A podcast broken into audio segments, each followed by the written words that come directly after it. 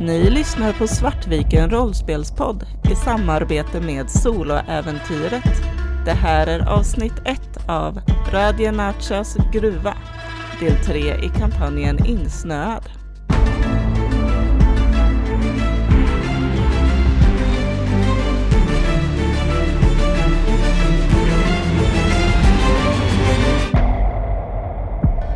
Hej och välkomna till Svartviken rollspelspodd.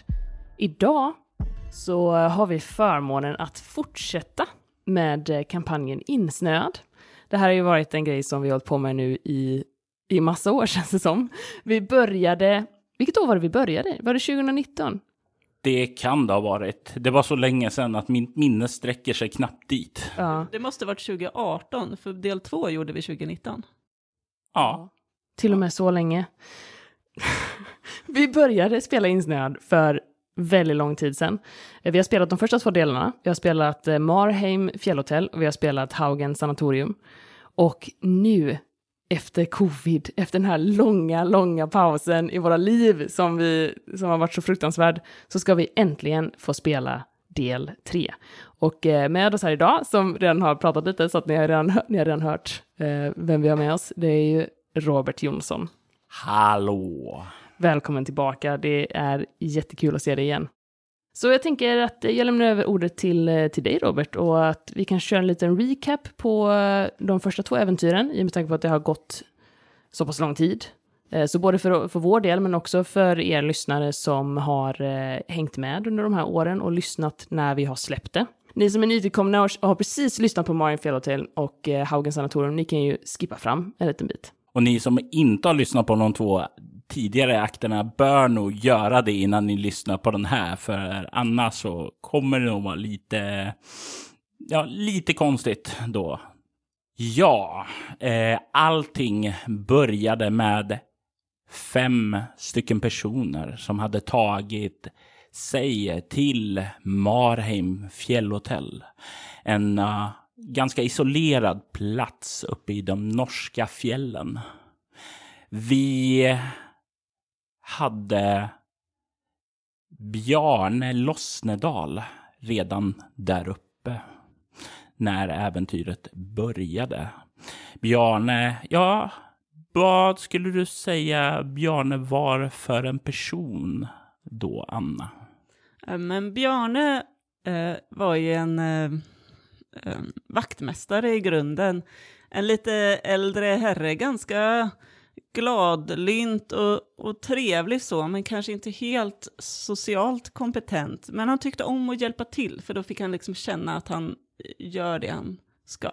Och han har ju tagit sig upp till Marheim fjällhotell för att komma undan. Ja, du hade ju en one night stand med en vacker kvinna och därefter började du hemsökas av telefonsamtal med nazistiska, ja inte undertoner utan jag skulle säga snarare övertoner då.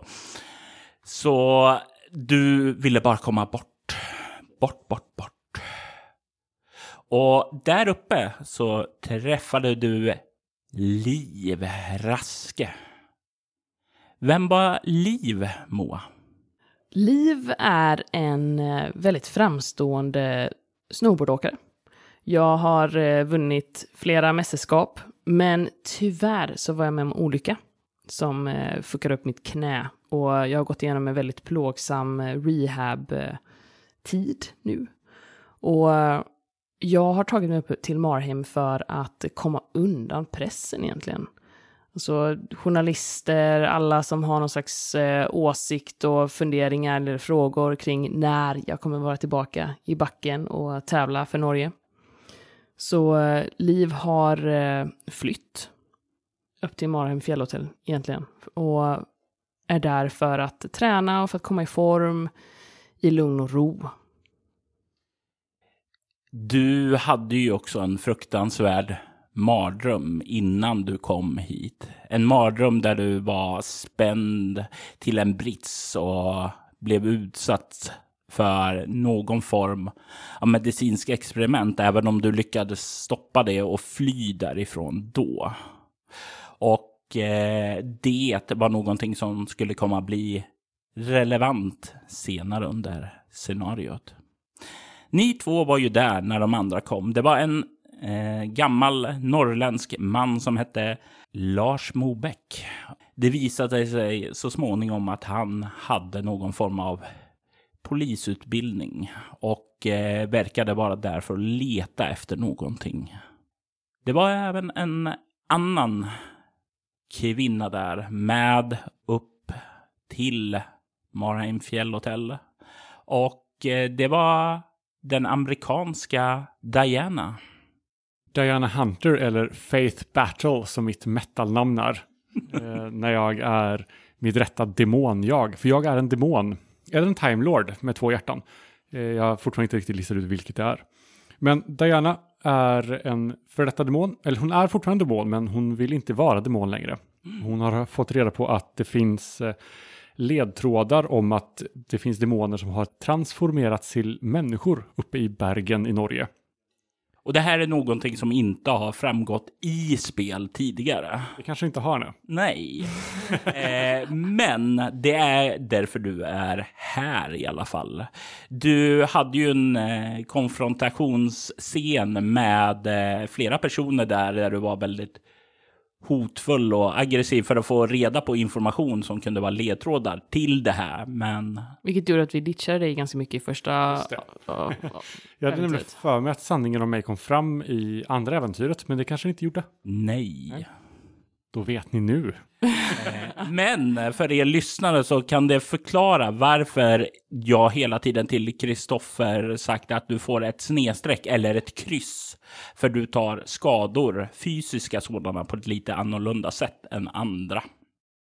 Det var även en sista person. En person som man skulle kunna säga var en lögnare. För han angav inte sitt rätta namn utan kallade sig själv för Åse-Marie. Mm. Vem är Åse-Marie? Åse-Marie är en eh, medicinstudent ja, som senast eh, har flyttat från eh, Umeå efter att ha pluggat i, på Umeå universitet. Det är väl inte eh, känt kanske för de andra här, men eh, så är det i alla fall. Ja, Åse-Marie har ett eh, eh, rätt mörkt förflutet och eh, är på flykt från eh, följderna utav eh, några riktigt eh, traumatiska händelser som hänt nyligen. Som involverade pensionärer och barn. Ja, och eld. Ja. Det var ju någonting som gjorde att du har, när du kom till hotellet, hållit dig rätt mycket för dig själv också. Där. Men det verkade inte som att det var vad du skulle få fortsätta vara. För händelserna här på hotellet, det började så sakta smyga igång. Det var en märklig statyett som Liv fann i en backe föreställande en liten, liten eh, varelse, en människa. Och det var då alla började bli weird. Ja, det var ju där den här aggressiva situationen uppstod när eh, den unga Diana kom där och ville veta mycket, mycket mer än vad som sades. Eh, det var ju också Bjarne som tog i den som inte kände någonting. För jag kände ju någonting när jag tog i den. Du fick en vision av den när du tog i den. Om eh, några märkliga varelser som krabblade upp ur en, eh, ja, någon sjö och eh, väste liv, liv. När Åsa-Marie rörde vid den så fick eh, hon en stöt. En stöt kan man däremot inte säga att Diana fick som eh, fick en rejäl chock och slungades iväg. Det började ske en massa märkliga händelser. Det återfanns eh, meddelande skrivet i en handstil som Bjarne kände igen eh, från sitt one night stand. Någon klippte av en bit eh, hår, en lock ifrån Liv när hon sov och... och eh, det syntes ett Lucia-tåg eh, som eh, ja, stod i ljusan lågor, bokstavligt talat, som passerade förbi där ute. Det var också Bjarnes fel. Jag har inte gjort någonting, jag är oskyldig. Det hela kulminerade med att ni mötte en gigantisk bjässe. En gigantisk man som liknade en vanställd bjarne. Bjarne. Det var en incident i samband med det som eh, Liv cirkelsågade eh, Bjarne till medvetslöshet. Eh, Det var ett eh, milt sätt att uttrycka det på. Det låter väldigt, väldigt rollspeligt när vi sammanfattar det här.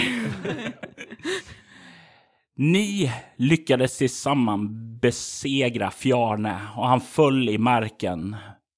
Marken som briserade under honom och rasade in och ni alla föll ned där till golvet av vad som skulle visa sig vara Haugen sanatorium. Platsen där andra akten började. Den andra akten var då ni utforskade den här platsen. Men det var inte så enkelt att utforska den och ni var splittrade större delen av tiden eftersom ni verkade skifta mellan nutid där det var övergivet och dåtiden då det var ockuperat av tyska nazister. Och det väckte minnen här för Liv, för hon vaknade upp i samma situation som hon hade drömt om. Jag befann mig ju ganska mycket i dåtiden. Nej, eh, du började i dåtidsstället, men sen så skiftade du tillbaka, ja. Till nutiden. Du blev dock i den här verkligheten injicerat med någonting. Och du hade en ny vision. En vision från den här samma ställe, eh, den här sjön då, det som du kallade för själakällan. Du då fick ju se då två stycken ljussken och ett av dem kallade till dig att du var den enda som kunde, Rädda honom. ja. Det var även en annan symbolisk betydelse. Det var någon stor ulv där som morrade och hade sig. Men när den kom ned i vattnet så förvandlades den till en polarhund. Och det var sådana som vi hade slagits med i första akten. Ja, ni var ju i ett intermezzo där innan, precis innan och en del under fighten med Bjarne. Eh, men eh, Diana och Åse-Marie eh, såg sig själva vara klädda då i sjuksköterskeuniformer.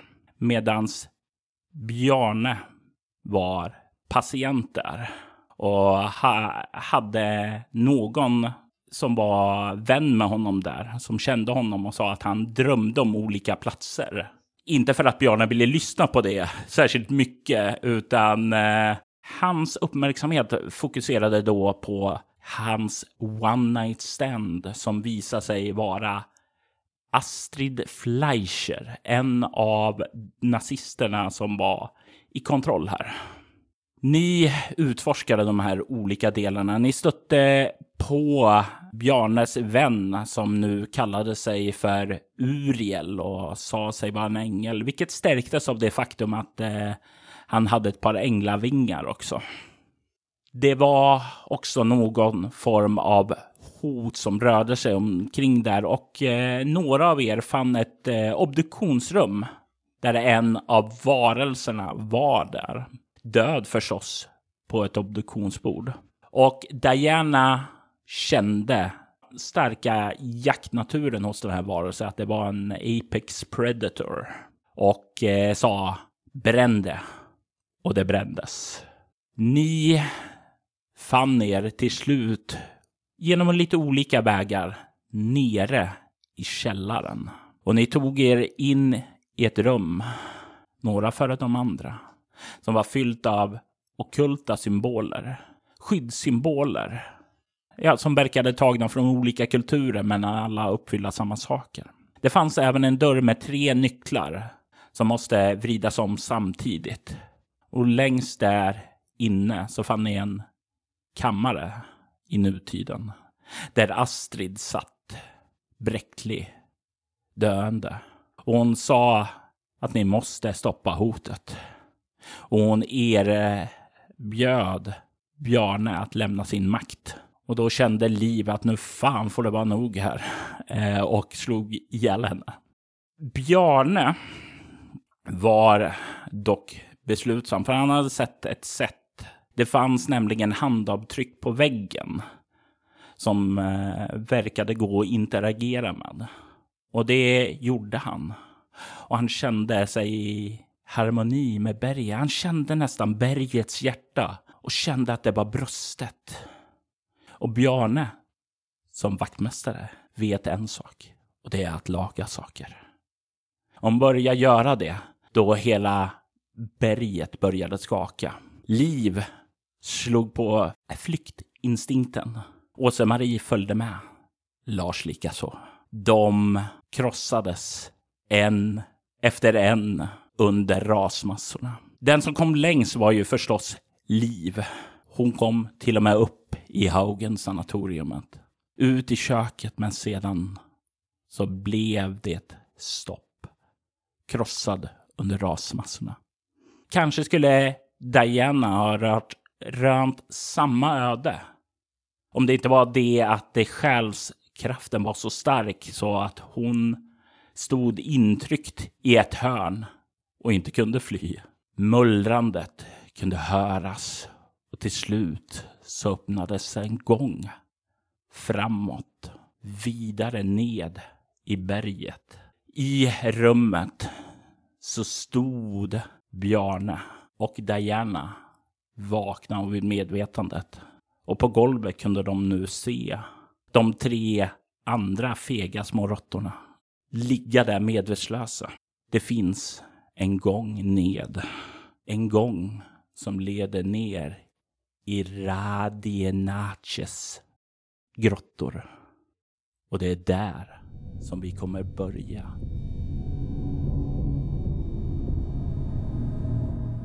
Mullrandet har lagt sig. Vägen tillbaka har rasat samman. Det finns bara en väg framåt och det är nedåt. Diana, du känner ju hur den här starka själsliga energin som tryckte dig in i det här hörnet nu verkar ha falnat när den här urladdningen har skett och allting är över. Ljuset som finns här är ju från era ficklampor. Och ni kan ju se era vänner som flydde ut nu ligger här på marken framför er. Okej. Okay. Vad, fan är det som händer? Jag vänder mig tillbaka och tittar på de här personerna. Jag har nog inte riktigt varit medveten om att de har sprungit. Nej, för du var rätt fokuserad på att laga bergets hjärta. Precis. Så jag springer fram till dem och ja, känner liksom på, på pulsen på dem. Vad har du i medicin? Två. Du känner en vag puls.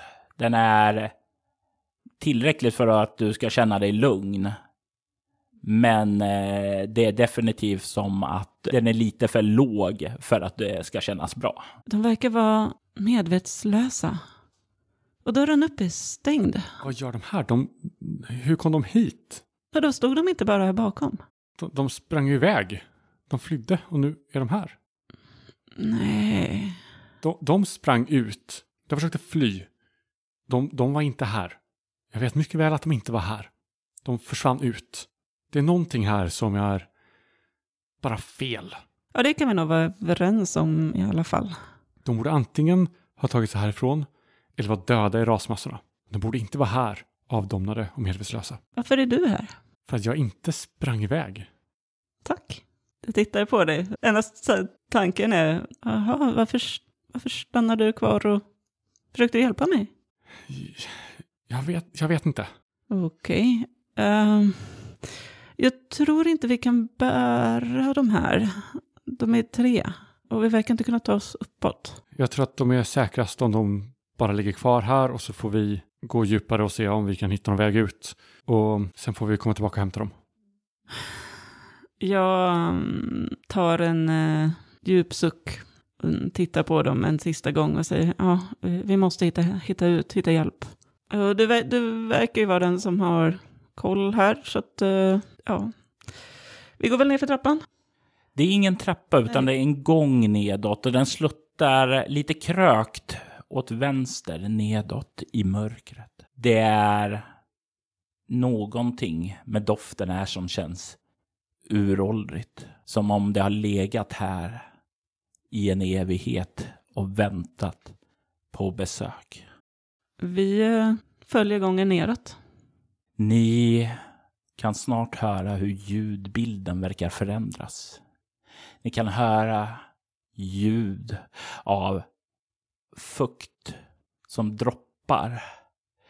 Ni kan höra någon enstaka rassel då någon jordmassa liksom släpper ifrån taket som ett resultat av det skalv som skedde då Bjarne lagade bergets hjärta. Det är en ganska stor sal, verkar det vara av ljudet att döma. Och jag tänker fråga, vad har ni i färdigheten överlevnad? Tre. Tre. Det är en gigantisk sal, säkert så här 50-60 meter stor åt alla håll. En ganska hög också sal. Jag har lagt fram en karta där framför er och ni kommer in där uppifrån den krökta gången. Och er ficklampa lyser ju inte ända eh, över hela salen. Eh, kanske går 10 meter och ni har en liten skala där också som ni kan se.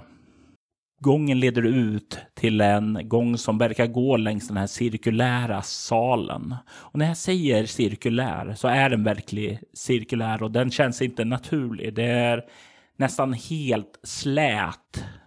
Som om vatten genom eoner har blankpolerat det här. Det känns inte som en naturlig grotta. Men ni kan se att gången även går, inte bara längs väggarna, utan även en liten krökgång rakt fram. Och den är inte alls lika eh, slät och sådant. Den känns mer naturlig. Den är lite, ja, den slingrar sig nästan lite framåt där. Ni kan se de mörka bergsväggarna på kartan. Men de här mörka mörka sektionerna på kartan vid gångarna i inre delen. Det är bara ett bottenlöst stup. Så långt ned där det bara finns mörker. Om man lyser ner med facklan där så är det inte något som syns där. Okej, det här får mig att känna mig jävligt olustig. Um, ser vi någonting liksom i mitten eller liksom vad finns det utöver de här gångarna och i stupen? Finns det liksom någonting mer vi kan se i rummet? Inte just därifrån som ni står, utan det ser ju gången leder längs med väggarna åt vänster och höger då. Rakt fram så kan du väl ana att det verkar öppna upp till en liten platå av något slag rakt fram då. Men det är väl det ni kan se härifrån. Verkar det gå uppåt? Det verkar inte gå uppåt, utan det här verkar komma ner till en slät nivå. Nej, för Bjarne är fokuserad och han kan fokusera på en sak i taget. Och nu när han har lagat i hjärtat så har han behövt hitta en ny sak för att kunna komma framåt, för att inte bryta ihop, för det skulle han nog göra annars. Så hans mål nu är ju att försöka ta sig ut och hitta hjälp. Eh, så att jag kommer nog följa den här gången och försöka hitta eh, den gången som slingrade sig lite och se om den leder liksom uppåt, utforska vägarna helt enkelt. Mm. Eh, så du menar röra den här lite slingriga gången rakt fram då? Ja, jag tar den här slinga eh, vägen framåt för att se om det finns vad som finns där framme vid platån. Jag springer ikapp dig och tar tag i din axel. Hörru, gå inte i förväg. Vi, alltså om, om vi ska klara det här, jag är orolig att det finns mer här än vad vi är beredda på. Om vi ska klara det här så är det bäst att vi gör det tillsammans. Kommunicera vad du tänker göra Så vi kan, jag är med på det, okej? Okej, eh, vi behöver hitta hjälp. Vi behöver ta oss härifrån.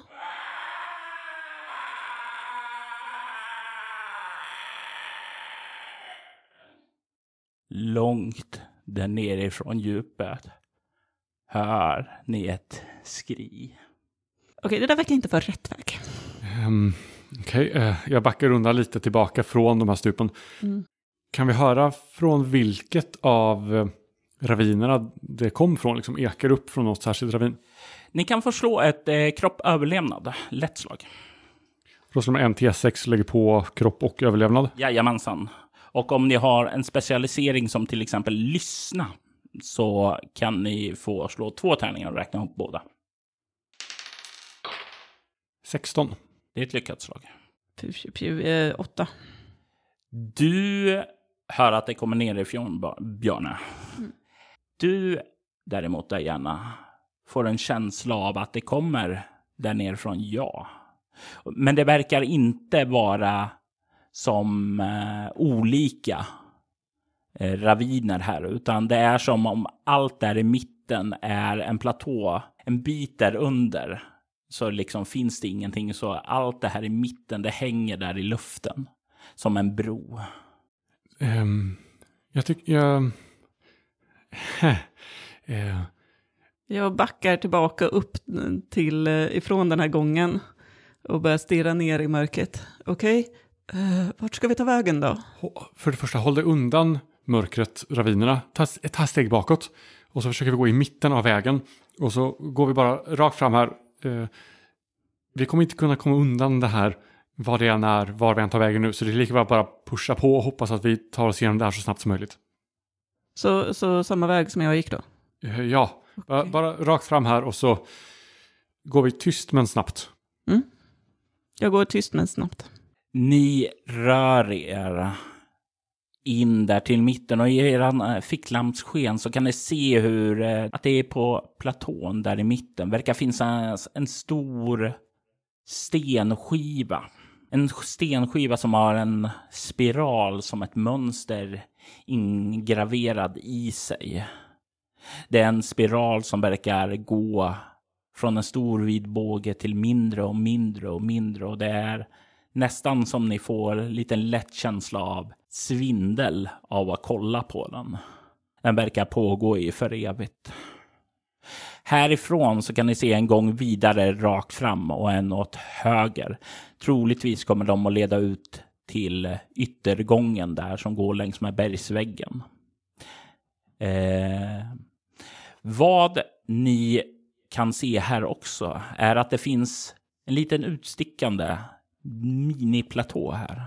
Och på den verkar det vara någon form av stenstod med någon kristall på sig.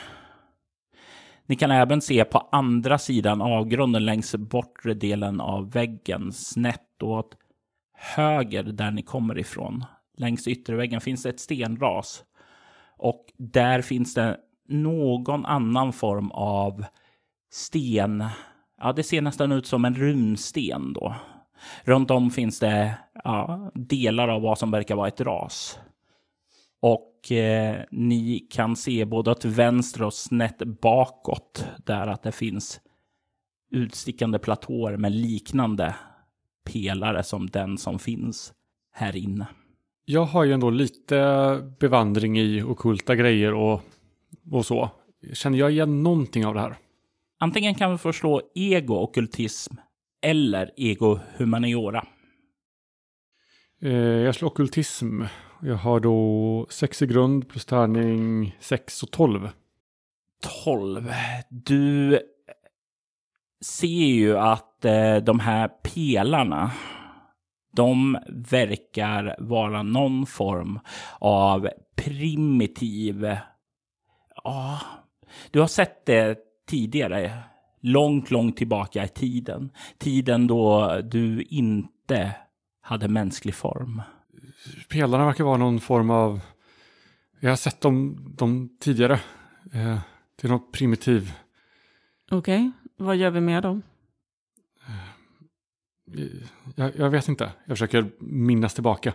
Du tror att det kan vara någon form av lås. Jag börjar ta mig bort mot den eh, eh, pelaren som är i, i, på platån. Så runt bordet till vänster. För att gå och se närmare. Okej, vi får väl se närmare om du förstår vad det, vad det är mer. Ja, jag följer med. Du kommer fram dit och du kan se den övre delen av den här stenstoden verkar ha en liten skåra som avgränsar den från den undre. Som om den skulle kunna vrida sig. Du kan se på toppen av det här så finns det ju en kristall, en eh, blå kristall som skimrar då i ljusreflektionen från din ficklampa.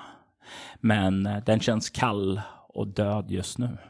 Okej, den här verkar ju vara, vara en till sak som man kan öppna. Eh, om man vrider den på rätt sätt så antar jag att det är som att vrida om en nyckel. Vi måste bara ta reda på hur vi vrider den, hur den ska se ut. Och den verkar inte riktigt vara aktiv just nu. Kan se även en annan sak härifrån.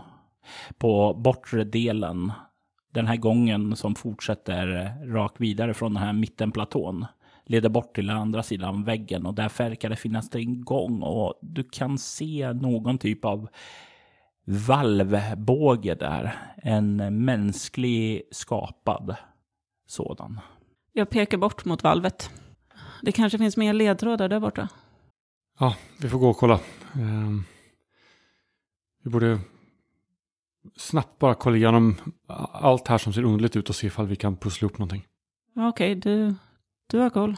Jag tänker att den närmsta saken från där vi står nu är det här raset. Mm. Så att jag går upp från platån bort till andra sidan. Och eh, istället för att gå upp längs gången till valvet så går jag höger och tittar på, på raset. Och jag följer med. Ni kommer runt där och kan se hur ras är ju en del från det som har trillat ned från taket och sådant. Det verkar rätt nyligt gjort också. Ni kan där se vad som eh, dock inte verkar ha skadats av det här raset. Och det är eh, den här ja, runstenen eller vad man ska säga. Fast det finns inga runor på den här när det kommer fram. Kan se att det finns i nedre delen av det så finns det tre tomma alkover. Alkover som det skulle kunna gå att ställa någonting i. Och Typ en kristall. inte en kristall, men däremot så är du rätt säker på, du som är väldigt duktig på mekaniska saker och sådant där, att gissa att den har samma storlek som ett par trästatyetter. Ni kan se ovanför den så verkar det finnas ett Ja, det finns en skåra som ser ut nästan som ett Y. I övre delen så finns det en inskription där det är en man hållande ett spjut. I den andra delen där uppe till höger så finns det två personer som håller varandra i hand. Och rakt ned så finns det en inskription som föreställer en person som verkar sitta ned i någon form av helig position. Och i mitten där så finns en stenskiva med ett handavtryck. Av samma snitt som du påverkade där uppe, Bjarne. Men det här är bara ett handavtryck. De här inskri- inskriptionerna av personer påminner de på något vis om eh, statyetterna som jag hittat. De är ju så mycket, mycket enklare. Det påminner mer om sådana här gamla hällristningar. Där. Men, men det är tre, tre inristningar av personer och det finns tre av de här pelarna runt om i salen. Mm. Men här verkar ju absolut vara någon slags styrpanel. De där hålen här nere, det, jag tror att sta- trästatyetterna ska in där. Vem är det som har dem? Jag tror det är Moa som har dem. Okej. Ska vi eh, gå tillbaka och se ifall de har vaknat upp och i så fall om vi kan ta med statyetterna hit eh, och, och se Ja, om det, är en, om det är en början. det kan det vara. Jag är också lite sugen på att utforska det där valvet. Vi kan, vi kan göra det först och så kan vi hämta statyetterna sen. Ni rör er tillbaka till det där valvet du såg där. Och du kan se när ni börjar komma in där och lyser lite att det finns så här gamla snirkliga detaljer som om någon har karvat dem i en stenram. Då. Föreställer väldigt mycket ugglor. Men det går inte att passera igenom det för det är en slät stenskiva där. Okej, eh, ja. Jag kan inte sådana här symboler. Eh, Det är kanske lika bra att gå och hämta de andra då. Vad har ni i obemärkt? Sex. Två. Du, Diana, kan hitta lite undangömt högst upp ovanför själva vallbågen en symbol. En symbol föreställande en man som sitter ned i en liten helig position som stämmer in på den borta på tavlan. Jag pekar på den. Visst var det en sån vi såg borta på tavlan? Det är samma... Ja. Så det, det finns någon slags koppling här. Kanske att mm, den här dörren är kopplad till, till plattan på något vis. Att man kan öppna dörren från plattan. Så kan det vara. Det verkar finnas två tillgångar. Jag kik- går ut lite och kikar bort och se, försöker se om det är valv.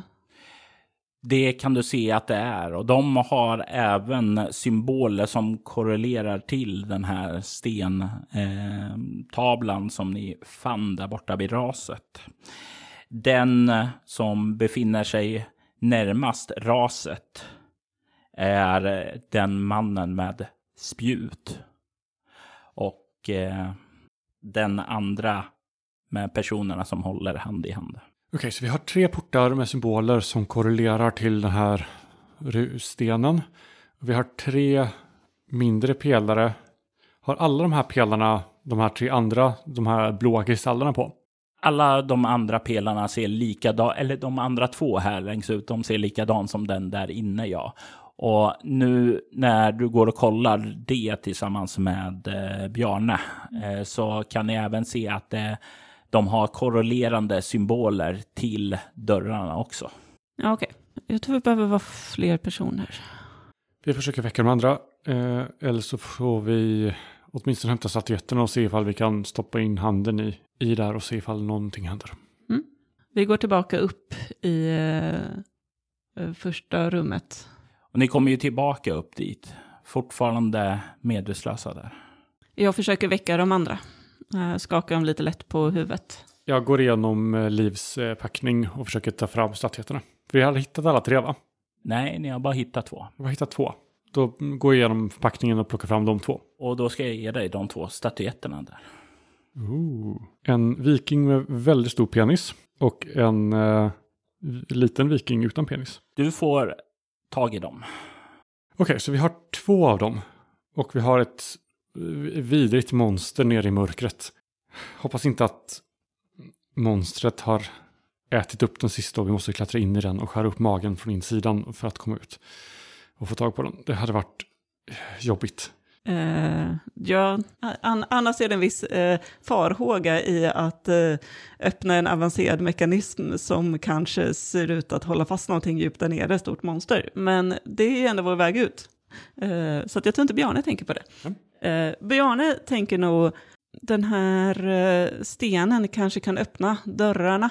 Eh, så de stenblocken som kanske finns inne i de andra salarna också.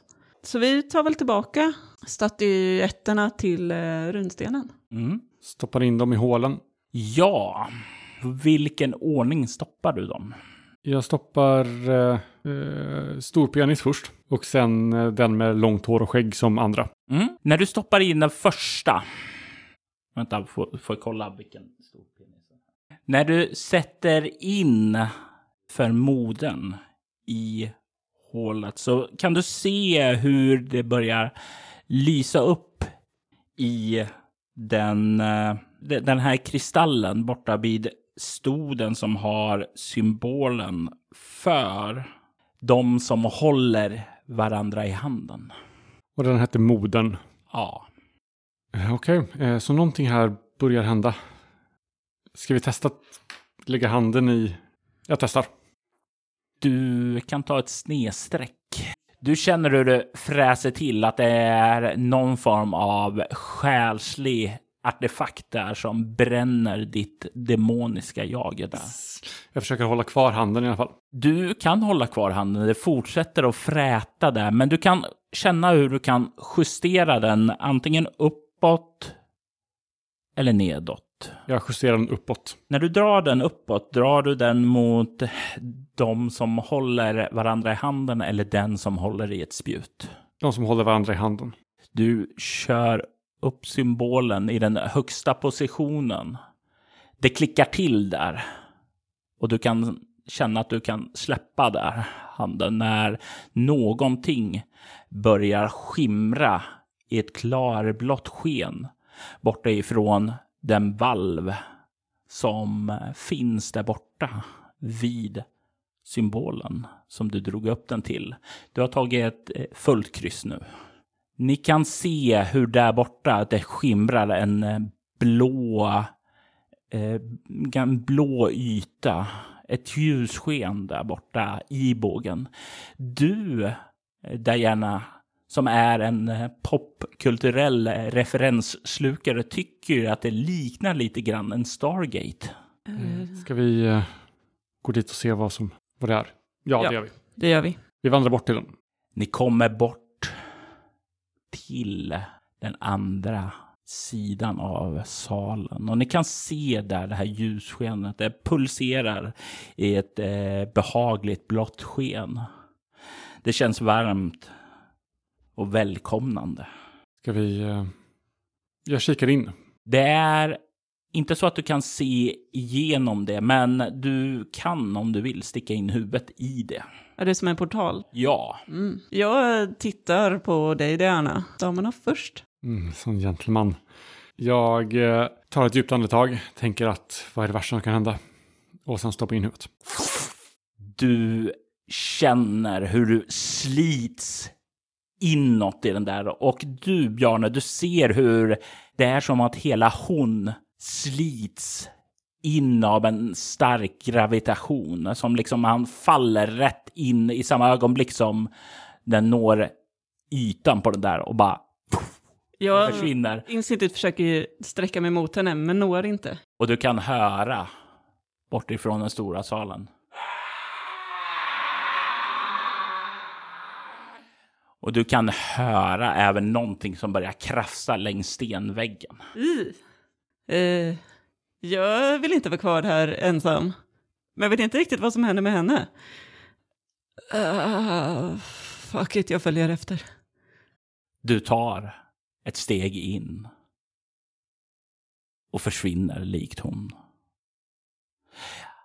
Salen är tyst.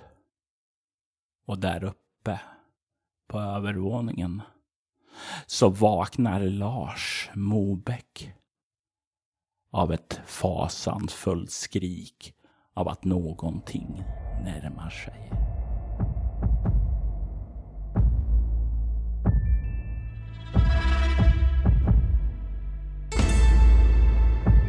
Ni har lyssnat på Svartviken rollspelspodd i samarbete med Soloäventyret. Äventyret Radjenaches gruva är tredje och sista delen i kampanjen Insnöad.